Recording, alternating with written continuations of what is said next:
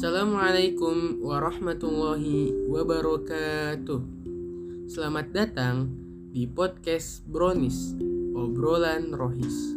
Buat kalian yang baru di podcast ini, podcast ini berisi tentang obrolan seputar agama Islam yang sekiranya bisa bermanfaat bagi pendengar semua. Di episode kali ini, Ane mau melanjutkan episode kemarin yang berjudul Menahan Pandangan yang siogianya terdapat pada seorang muslim agar berakhlak islami. Nah, sekarang Ane mau menyampaikan sesuatu yaitu tentang malu. Hendaklah kita menjadi seorang yang pemalu dalam segala keadaan. Namun, sifat pemalunya ini jangan sampai menghalangi kita untuk berani dalam kebenaran. Salah satu bentuk sifat pemalu yaitu tidak ikut campur urusan orang lain, menahan pandangan, rendah hati, tidak meninggikan suara, menerima keadaan, dan sifat-sifat yang serupa dengan itu. Rasulullah Shallallahu Alaihi Wasallam pernah bersabda dalam hadisnya.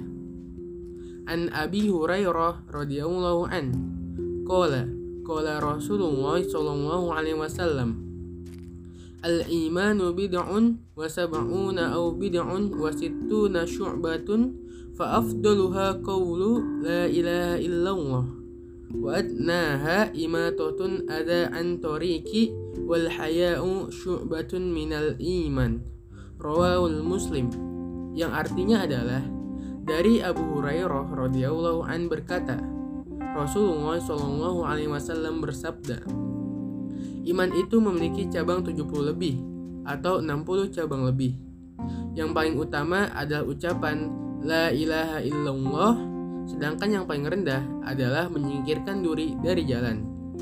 Dan malu merupakan salah satu di antara cabang-cabang iman.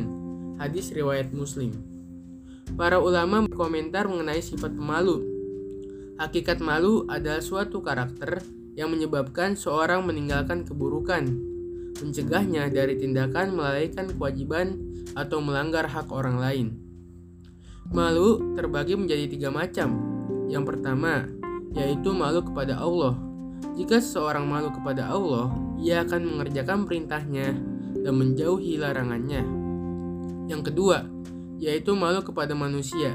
Jika seseorang memiliki rasa malu kepada manusia, maka ia akan menjaga pandangan yang tidak halal untuk dilihatnya. Orang yang punya rasa malu kepada manusia tidak akan berani melakukan dosa di hadapan orang lain Jangankan dosa, melakukan kebiasaan jeleknya saja dia malu jika ada orang yang melihatnya. Termaksud bagian dari malu kepada manusia, yaitu mengutamakan orang lebih mulia darinya. Ketiga, malu kepada diri sendiri. Ketika orang punya malu kepada diri sendiri, dia tidak akan melakukan perbuatan dosa ketika sendirian. Ia malu jika ada orang yang melihat perbuatannya. Jadi, inilah tiga macam malu yang dianjurkan. Selanjutnya, kita hindari sifat malu yang dilarang, yaitu malu ketika akan melakukan kebaikan, malu ketika membela ajaran Islam, malu berkata jujur, malu mengingkari kemungkaran, dan membela kebenaran.